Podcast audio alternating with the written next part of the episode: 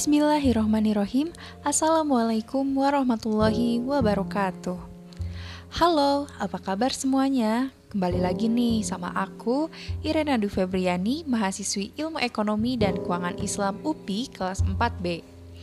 Pada podcast kali ini, aku akan membahas mengenai pemukiman kumuh dan program yang pemerintah garap mengenai permasalahan pemukiman kumuh ini dan bagaimana sih perspektif dalam ekonomi Islamnya. Nah, langsung saja kita ke pembahasannya. Kumuh. Mungkin kita sering mendengar kosakata kumuh dalam kehidupan kita sehari-hari. Kata kumuh sendiri sering kali kita analogikan kepada kondisi dan keadaan yang tidak bersih atau sumpek. Kondisi kumuh sekarang ini sering dijumpai, terutama pada kawasan kota-kota besar di negara-negara yang sedang berkembang. Secara umum, daerah kumuh diartikan sebagai suatu kawasan pemukiman ataupun bukan kawasan pemukiman yang dijadikan sebagai tempat tinggal dengan bangunan-bangunan berkondisi substandar atau tidak layak dihuni oleh penduduk dengan kepadatan tinggi. Faktor utama tumbuhnya kawasan kumuh adalah karena tidak terbendungnya arus urbanisasi program Kementerian PUPR terkait peningkatan kualitas infrastruktur dan pelayanan perkotaan yang sedang dilaksanakan adalah infrastruktur berbasis masyarakat atau dapat kita singkat sebagai IBM. Salah satunya merupakan program Kota Tanpa Kumuh yang bisa disingkat menjadi Kotaku. Program Kotaku merupakan kerjasama antara pemerintah pusat dan pemerintah daerah sehingga identifikasi lokasi diputuskan oleh pemerintah daerah atau Pemda setempat. Tujuan dari program Kotaku ini adalah meningkatkan akses terhadap infrastruktur dan pelayanan dasar di pemukiman kumuh perkotaan dan mencegah timbulnya pemukiman kumuh baru pada rangka untuk mendukung terwujudnya pemukiman perkotaan yang layak huni, produktif, dan berkelanjutan.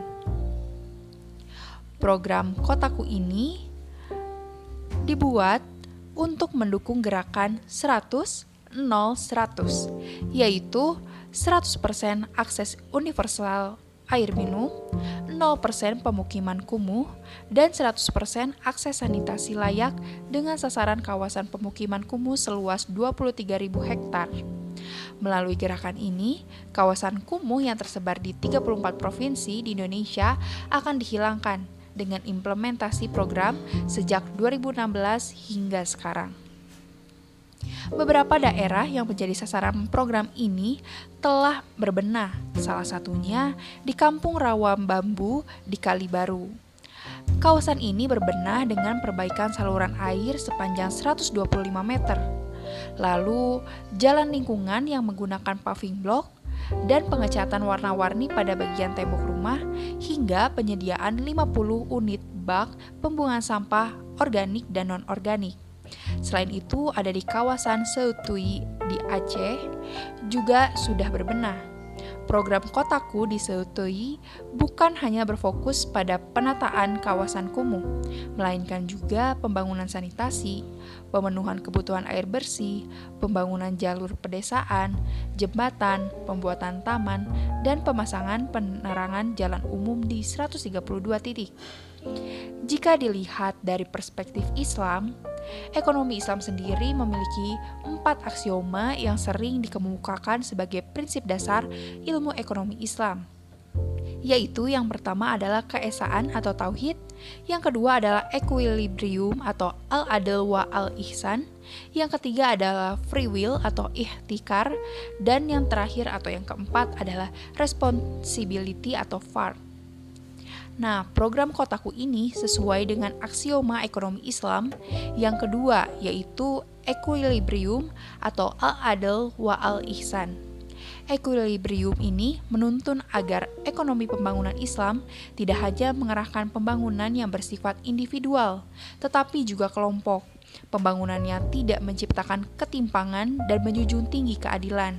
Selain itu, aksioma ini juga menyiratkan bahwa ekonomi pembangunan Islam memprioritaskan pembangunan yang bersifat daruriyat, yaitu pembangunan yang pro terhadap kaum lemah, kelompok masyarakat yang memiliki keterbatasan.